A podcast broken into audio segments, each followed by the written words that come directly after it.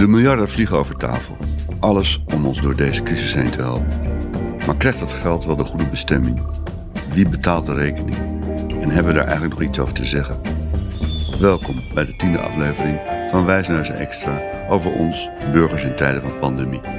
Ik heet Frits Snikst. Vandaag spreek ik met politicoloog Menno Huurkamp over de terugkeer van het polderoverleg. Iedereen doet weer een duit in het welbekende zakje. Maar de coronacrisis vraagt om heldere keuzes met verstrekkende gevolgen. De politiek zou daarvoor een nieuw mandaat moeten zoeken. Waarom vervroegen we de verkiezingen niet? Laat partijen duidelijk maken wat zij in deze crisis nu wel of niet willen. En laat kiezers zich daarover uitspreken. Polderen kan altijd nog. Menno, goeiedag. Hoi Frits. Hey, dit, uh, we zijn aan de vooravond van een historisch, bijvoorbeeld historisch moment. De horeca gaat weer open. We mogen weer naar het terras, we mogen weer naar het restaurant. Met bepaalde afspraken. Uh, vraag jij je daar ook zo op? Nou, het is beter dan niets. Um, maar kijk, de lol van een café is toch dat je er naartoe struint wanneer je er zin in hebt. En daar dan ook blijft zitten tot je zelf besluit dat je naar huis wil of tot het café dicht gaat.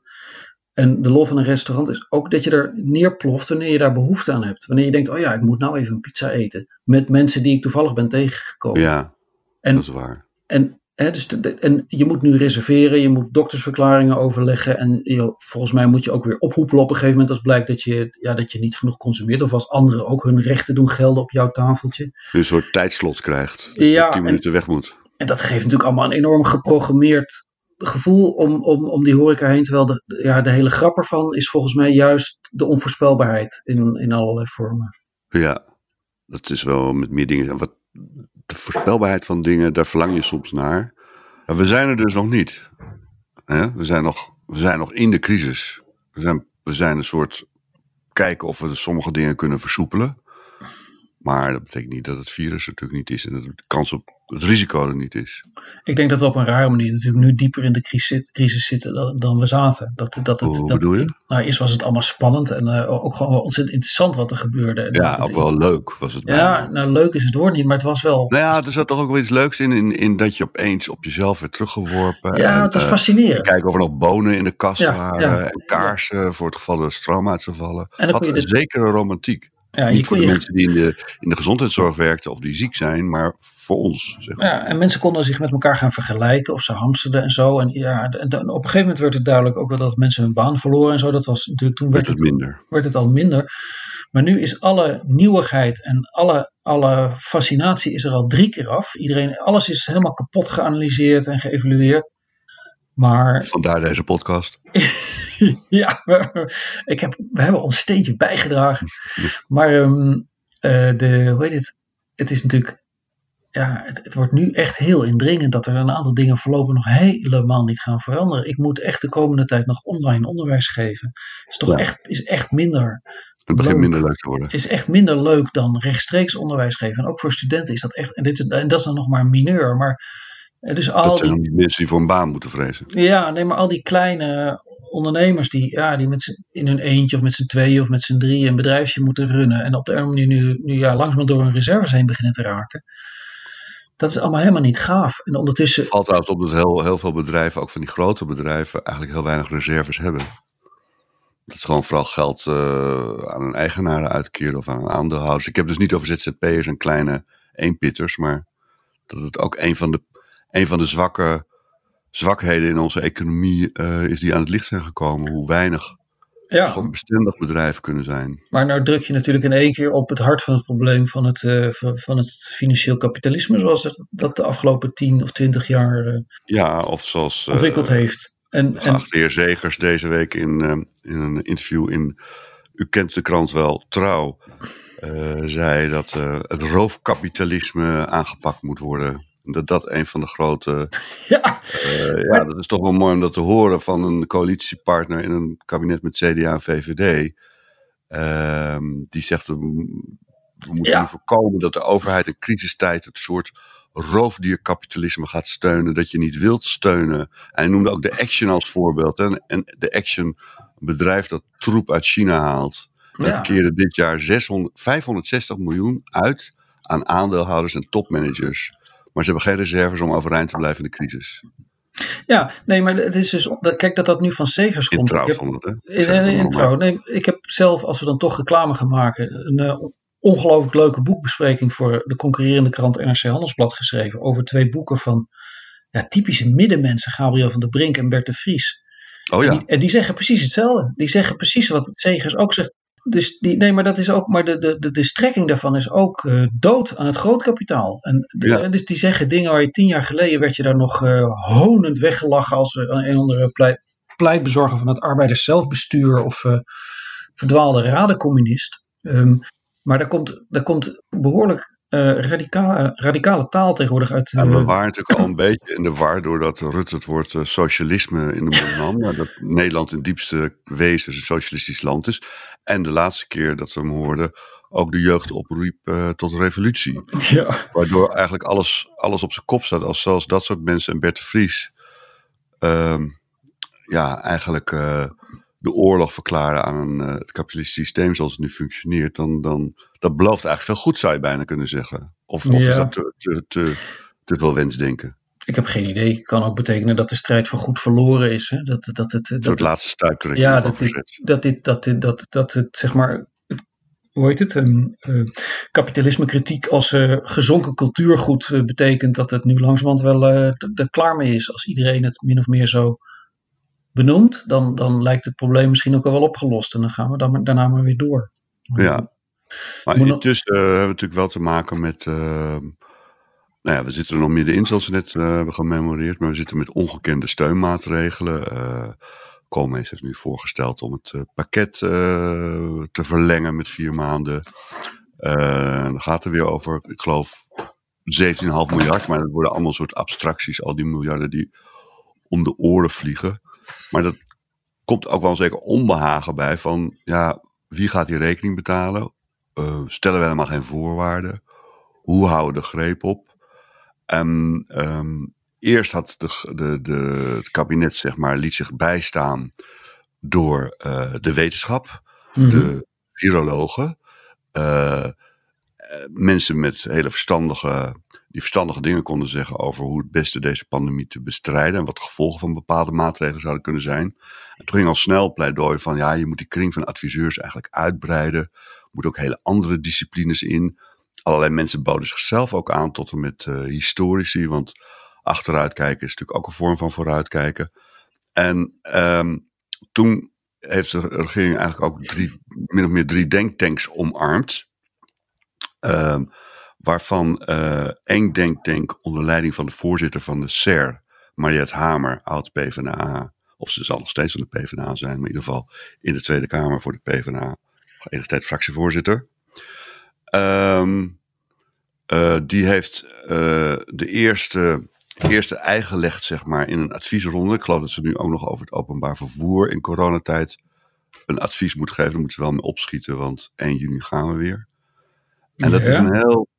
Um, ja, dat is, hoe zou je dat willen karakteriseren? Het is, een, het is dus een denktank waarin eigenlijk de hele polder weer zit. He, de, het is, het is klassiek. van een intelligent herstelbeleid. Nee, maar het is klassiek Hollands natuurlijk. Um, wat, je, wat je. Ja, dat zijn alle. Allemaal van die drie letterwoorden, maar dan in het nette: FNV, VNO, SCR, CPB, SCP, CBS. Zitten ja. er allemaal in. Ja, dat nou ja, de, in zo'n denktank zit, zit, zitten allemaal vertegenwoordigers van, van, van instituten die de hele dag bezig zijn met het adviseren van elkaar, van de regering. En, um, uh, en, maar is toch goed, een denktank?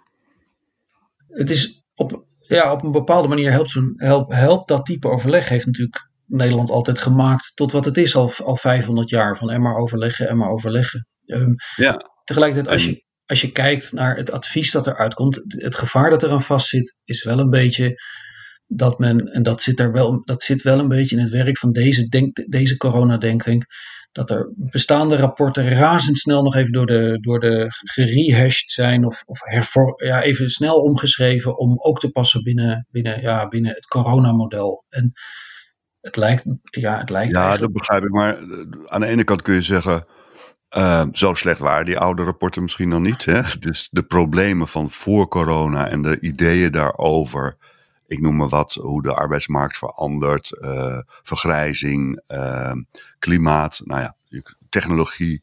Je kunt zo wel een, een, rijtje van die, van die fijne grote thema's opnoemen. Die zijn natuurlijk door de crisis niet, die, die problemen zijn niet wezenlijk veranderd. Ze zijn hoogstens zeg maar, de schijnwerper is opgekomen, namelijk de corona-schijnwerper. Dus je ziet nog meer hoe hoe, uh, waar de zwakke en sterkere plekken, plekken in de samenleving zijn. Dus op zich is het misschien niet erg om te zeggen van nou ja, dit is ons eerste advies. We hebben ook niet zoveel tijd en de samenleving moet verder kunnen. En we moeten gaan nadenken over, hè, we, we, maken nu allemaal keuzes, ook keuzes waarbij miljarden gemoeid zijn. Laten we nu eens even wat verstandige dingen zeggen, zodat mensen daar vast aan hebben die die keuze moeten maken. Nee, Nee, nou, nee, dat, volgens nee, mij. Nee, nee, in welke zin nee? Nee, volgens mij moet je die redenering niet zo maken. Volgens mij moet je constateren dat, dat. Nee, dan moet je zeggen: ik heb wellicht een andere mening. Je moet niet zeggen tegen mij. Nee, jij moet die redenering niet maken. Frits, je hebt het fout. Je hebt het, je, je hebt het gewoon echt helemaal fout. Je snapt Goed, het niet. door. nee, uh, nee nou, laat ik het anders zeggen. Ik zou geneigd zijn om te zeggen dat, we in een, dat er een aantal dingen zo wezenlijk veranderd zijn. En dat we daar ook nog niet echt goed over kunnen voorspellen hoe dat uitpakt dat je, niet, dat je het je eigenlijk niet kunt veroorloven om met oude rapporten in een nieuw jasje te komen. De KLM is in één keer volkomen in gevaar, maar de Albert Heijn groeit als een gek. Um, je ziet een enorm koopkrachtverschil ontstaan tussen mensen met een vaste baan, die, wie, wie, wie, wie salaris eigenlijk doorloopt, en de mensen met, met, met losse banen of flexbaantjes. Dus eh, die, die kloof, zo die er al was, die wordt echt exorbitant groter probleem wordt uitvergroot en urgenter, maar het probleem is in wezen hetzelfde. Nee, nee, nee, het verandert echt van karakter. De, de, de, het is opeens volkomen vanzelfsprekend dat er grote overheidsoperaties worden ingezet om bedrijven te helpen, om mensen te helpen. vergis je niet, daar hebben we twintig, twintig jaar lang is daarvan gezegd, we gaan niet zomaar met subsidies smijten. En maar daarom is juist zo'n denktank nu belangrijk, dat die overheid dus inderdaad nee, maar er zit een enorme, enorme rol er zitten, enorme, nee, er zitten grote keuzes achter. Er zitten echt grote keuzes liggen er ergens. Heb je dan niet veel aan zo'n handzaam verhaal waarin, ik geloof, uh, acht uitgangspunten voor herstelbeleid uh, opgenoemd worden? Ja. Die allemaal uh, toch behoorlijk baartenswaardig zijn. ja. Punt 1, de economische basis overeind houden. En ja, wie is er tegen? op korte termijn denken. Wie is er tegen? Wie, wie is er tegen? Wie... Ik moet bekennen dat ik daarin ook wel lichtelijk teleurgesteld was, omdat het als je het bij elkaar optelt, inderdaad een, een enorme uh, ja, rij van aandachtspunten is. En we moeten ook niet vergeten dat en we moeten ook niet vergeten dit. Het meest concreet zijn, is, dit, is deze denktank eigenlijk over de Europese solidariteit.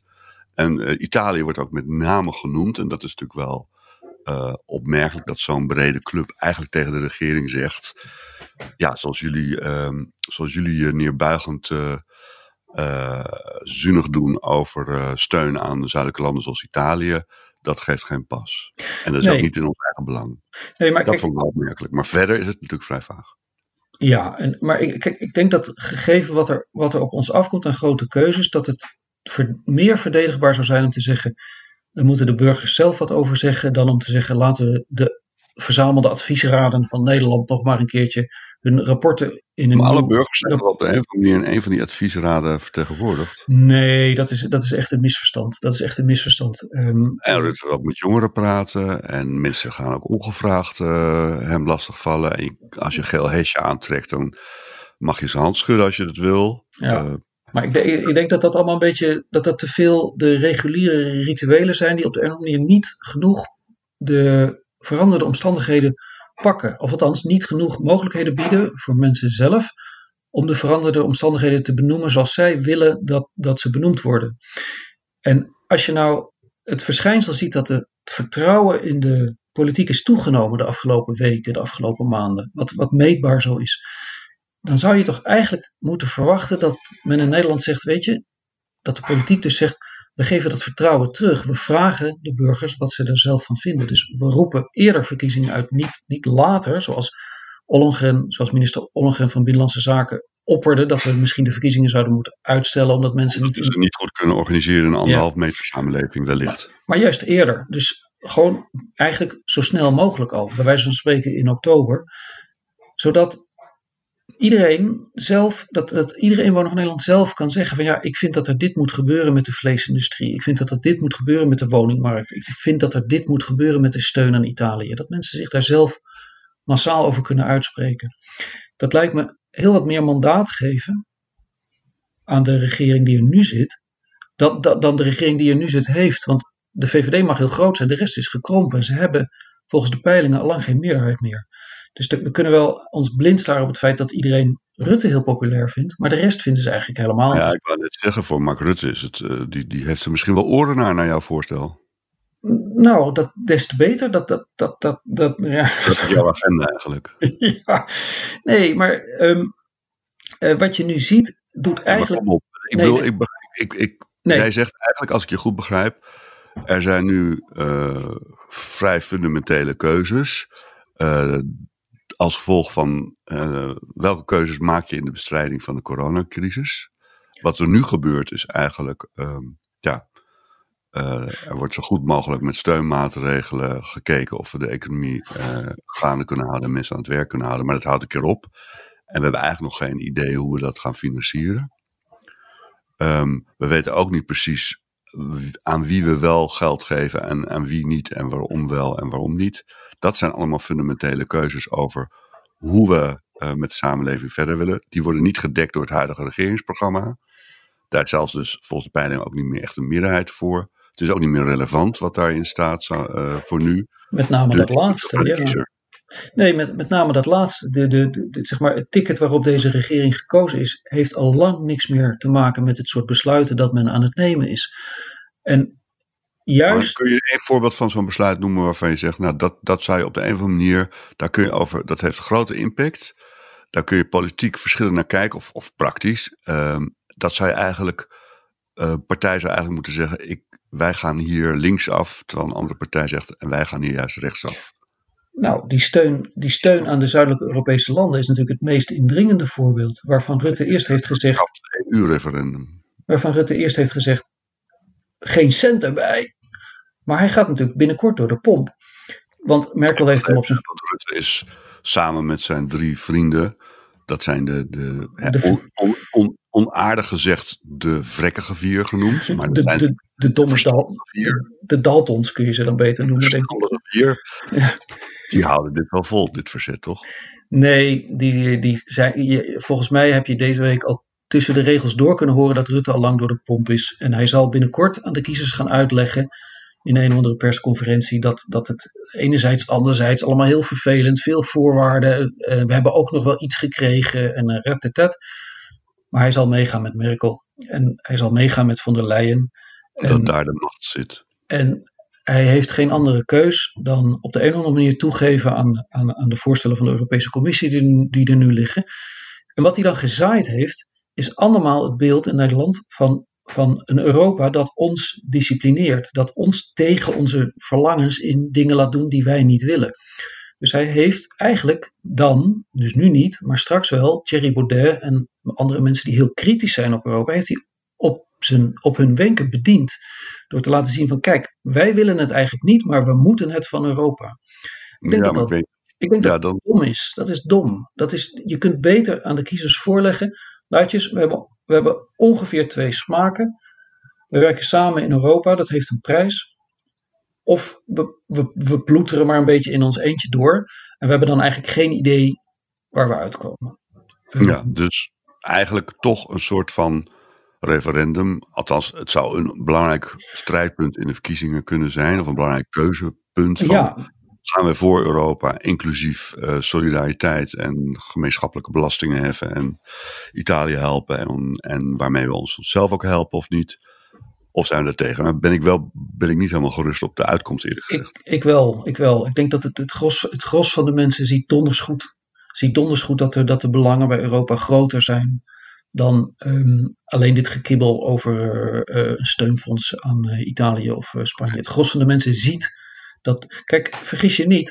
Dus het andere punt is nog een beetje. Nee, maar vergis je niet, de Fransen, ehm, eh, daar weten we het wel van. Wat, dat, ze, dat ze die kant op denken. Maar de Duitsers hebben de afgelopen maanden gezegd. Wij zijn eigenlijk heel erg afhankelijk ook van de afzetmarkt. We moeten Mercedes'en verkopen in Spanje. We willen heel graag veel meer Mercedes'en verkopen in Spanje dan we nu doen. We gaan dat geld die kant op sturen. Dan kopen ze van, kom- komt het vanzelf terug doordat ze weer in onze auto's gaan rijden. En dat type redenering wordt in Duitsland nu al lang gemaakt. En in Nederland ja, zijn we daar blijkbaar nog niet aan toe of durven we daar nog niet aan. Maar daar is Rutte wel mee schuldig aan. Zolang hij op deze manier door blijft gaan. Maar dat, dat vind ik heel interessant. Maar als, als, als kiezer wil ik daar ook best mijn mening over hebben. Maar ik vind het bijna nog urgenter om te weten van oké, er gaat nu, uh, waar gaat nu het geld heen? Onder welke voorwaarden? En hoe wordt het gefinancierd? En wat betekent dat voor mij en mijn uh, generaties na mij? Ja, en dus... Daar, dat zou voor mij de eerste grote kwestie zijn, denk ik. Ja, maar dat is toch, dat is toch reden te meer om dat op zo kort mogelijke termijn aan de orde te stellen tijdens verkiezingen. Um, um, ik, ik, hoezo moeten we dat. Kijk, waar. waar, waar... De, de, de, nou ja, ik ga maar geen metaforen doen, want het werkt nooit zo goed. Maar ik heb het gevoel dat je tijdens de wedstrijd. Um, iedereen zegt: stop maar eventjes. Uh, even kijken wie de, wie de leukste van het team is. Nou, zie je, daar ga ik al mis. Maar in ieder geval, die timing van die verkiezingen. Is dat niet uh, raar om een regering die uh, in ieder geval voorlopig nog even vol in die crisismodus zit, daaruit te trekken omdat ze campagne moet gaan voeren? Nou, de regering kan ook zeggen: wij willen graag steun voor het beleid dat we ingezet hebben. Waar het, waar het om gaat is dat er zijn een aantal landen die mee onder druk van die coronacrisis precies de andere kant op gegaan zijn. Hongarije, je ziet China nu Hongkong ook gaan disciplineren. Er vinden een aantal sterk antidemocratische bewegingen plaats.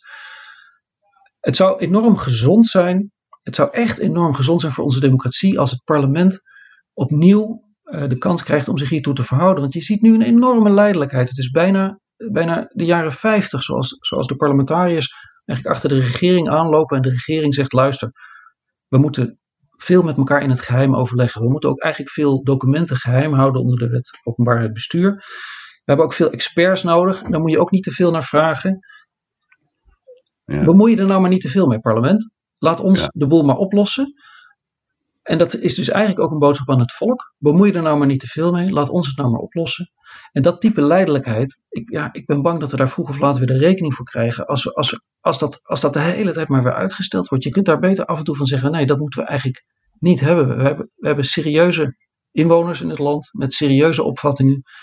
Die moeten bij vlagen gehoord worden. En het duurt te lang, anders. Het duurt gewoon te lang. Er zijn te veel besluiten genomen tegen de tijd dat de verkiezingen die nu gepland zijn.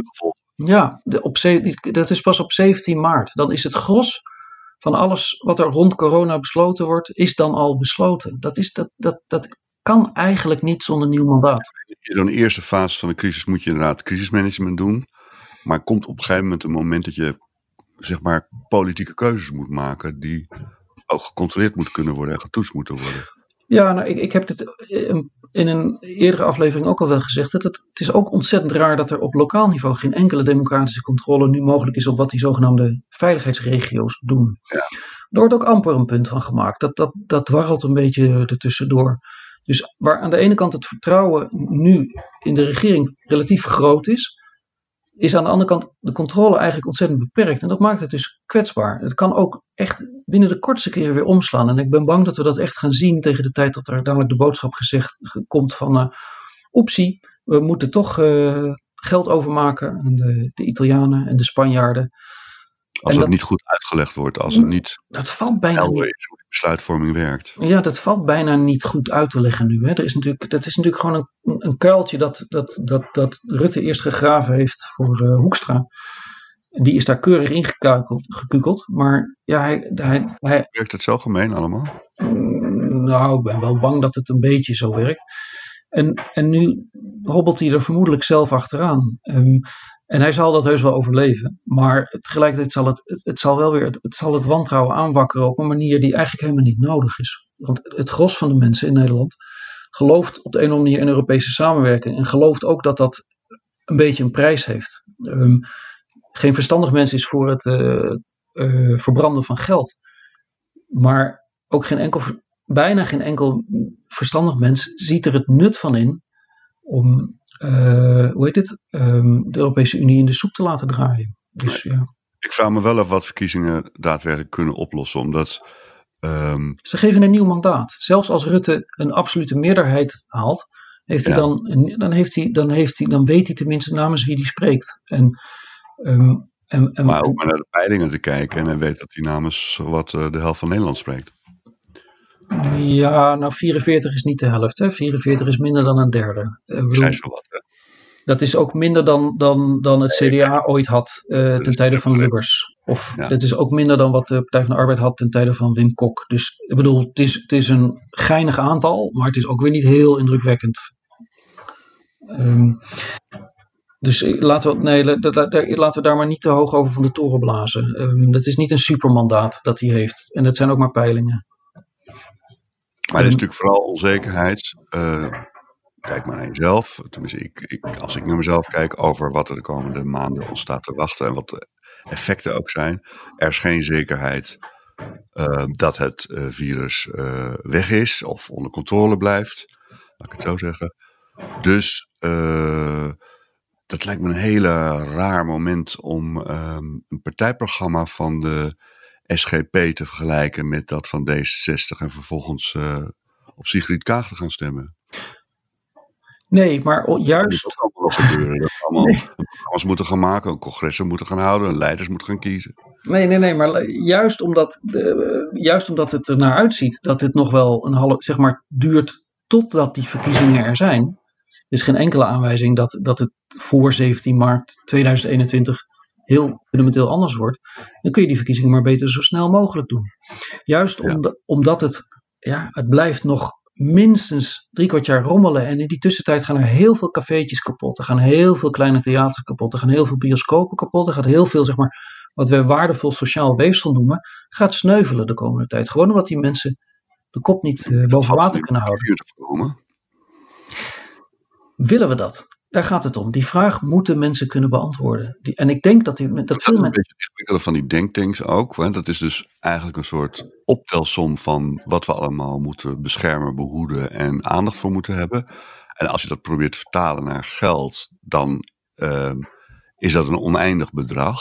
Dus daarin moeten keuzes maken. Bijvoorbeeld uh, willen we dat de, de cultuur uh, aan een soort mini-infuusje gelegd wordt met een heel klein pleistertje? Of willen we vinden cultuur met z'n allen toch zo belangrijk dat ze daar um, onder bepaalde voorwaarden echt meer levensreddend werk willen gaan doen? Dat soort keuzes bedoel jij? Ja, ik denk dat, dat, dat mensen op dit moment die keus veel concreter voorgelegd moeten krijgen. Veel concreter dan dat het nu zo stapsgewijs de hele tijd van, oh ja, oh ja, er, is, er zijn mensen met een hele grote mond, die heet de KLM. Daar gaat natuurlijk veel geld heen. En dan zijn er allemaal mensen die met kleine verdeelde boodschapjes komen. Dat heet de cultuursector. Ja, die, die kunnen blijkbaar minder hard gillen. Nou ja, die krijgen dus ook minder steun. En ik weet niet helemaal zeker of dat nou de uitdrukking is van um, waar de gemiddelde Nederlander van denkt dat, dat, dat echt belangrijk is. Het zou zomaar kunnen dat ze eigenlijk liever zien dat um, het café op de hoek gewoon open blijft en zich kan redden. En dat, dat, dat ze af en toe naar de bioscoop kunnen voor minder dan 20 euro, maar dus voor, ja, voor, voor, voor het oorspronkelijke bedrag. Gewoon dat type dingen. Dat zou zomaar kunnen dat ze zien dat dat meer bijdraagt aan hun kwaliteit van leven dan uh, uh, een grote glimmende luchtvaartmaatschappij. Ja, hoewel je daar wel altijd een trots gevoel van krijgt. Maar goed. Um, uh, hoe moet het eigenlijk gaan? Wie moet die verkiezingen eigenlijk even gaan regelen? Is dat uh, de koning of uh, normaal ja. crisis? Dan treedt het kabinet terug of een motie van wantrouwen of zoiets? De koning wijst een nieuwe regering aan. Een soort revolutie. Um, ja. Nee, de, volgens mij, de, de, kijk, de regering kan de Tweede Kamer ontbinden.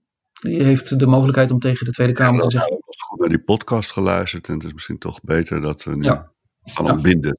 Ja, maar ze kunnen, ook, eh, ze kunnen ook zonder de Tweede Kamer te ontbinden gewoon nieuwe verkiezingen uitschrijven. Ja, die mogelijkheden laten de, de, de wet laat het allebei toe. En in het ene geval zegt, zegt de regering tegen het volk: we hebben ruzie, we komen er niet uit.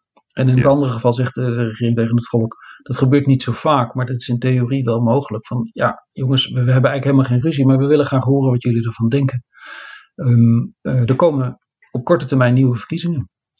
En ja, al die politieke partijen hebben al lang hun commissietjes lopen. Met, met daarin mensen die ja. bezig zijn met plannetjes. Nou ja, laat ze maar even doorploeteren. Uh, het ingewikkeld is, uh, daar hebben we het ook al een keer over gehad, dat je nu een partijprogramma moet schrijven. Terwijl die crisis zich nog aan het uh, ontrollen is. Ja, maar die crisis is zich, die is niet, die, wat er nu aan de hand is, is niet ja, wezenlijk anders over drie maanden. Over, over vier maanden.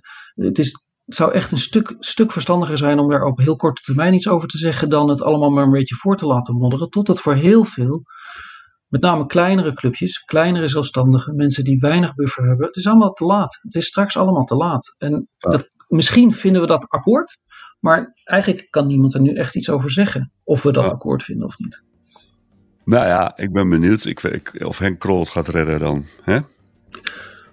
Ik hoop het heel erg voor hem. Want ik vind het altijd enorm grappig om hem uh, mee te horen brommen. Ja, hij, heeft het niet verdiend. uh, goed, nou we gaan afwachten of, uh, of deze boodschap of die, of die landt. Ik hoop het erg. We spreken elkaar binnenkort om te kijken of er resultaten zijn van inspanning. Ja, ik hoop het wel. Dankjewel. Dank Menno Hurenkamp. Dank luisteraars. Dit was de tiende aflevering van Wijsneus. Ik ben Frits van Ekster. Techniek Daan Hofstee. Muziek Jack van Ekster. Coördinatie Trouw Joris Belgers. U kunt alle afleveringen beluisteren op de website van Trouw en de bekende podcastadressen. Dank voor alle reacties ook. Ze zijn welkom. Ons mailadres is wijsneuzen.trouw.nl En als u ons wilt steunen, kunt u het beste een abonnement nemen op Trouw. Investering in goede journalistiek blijft een goed idee. Zet hem op.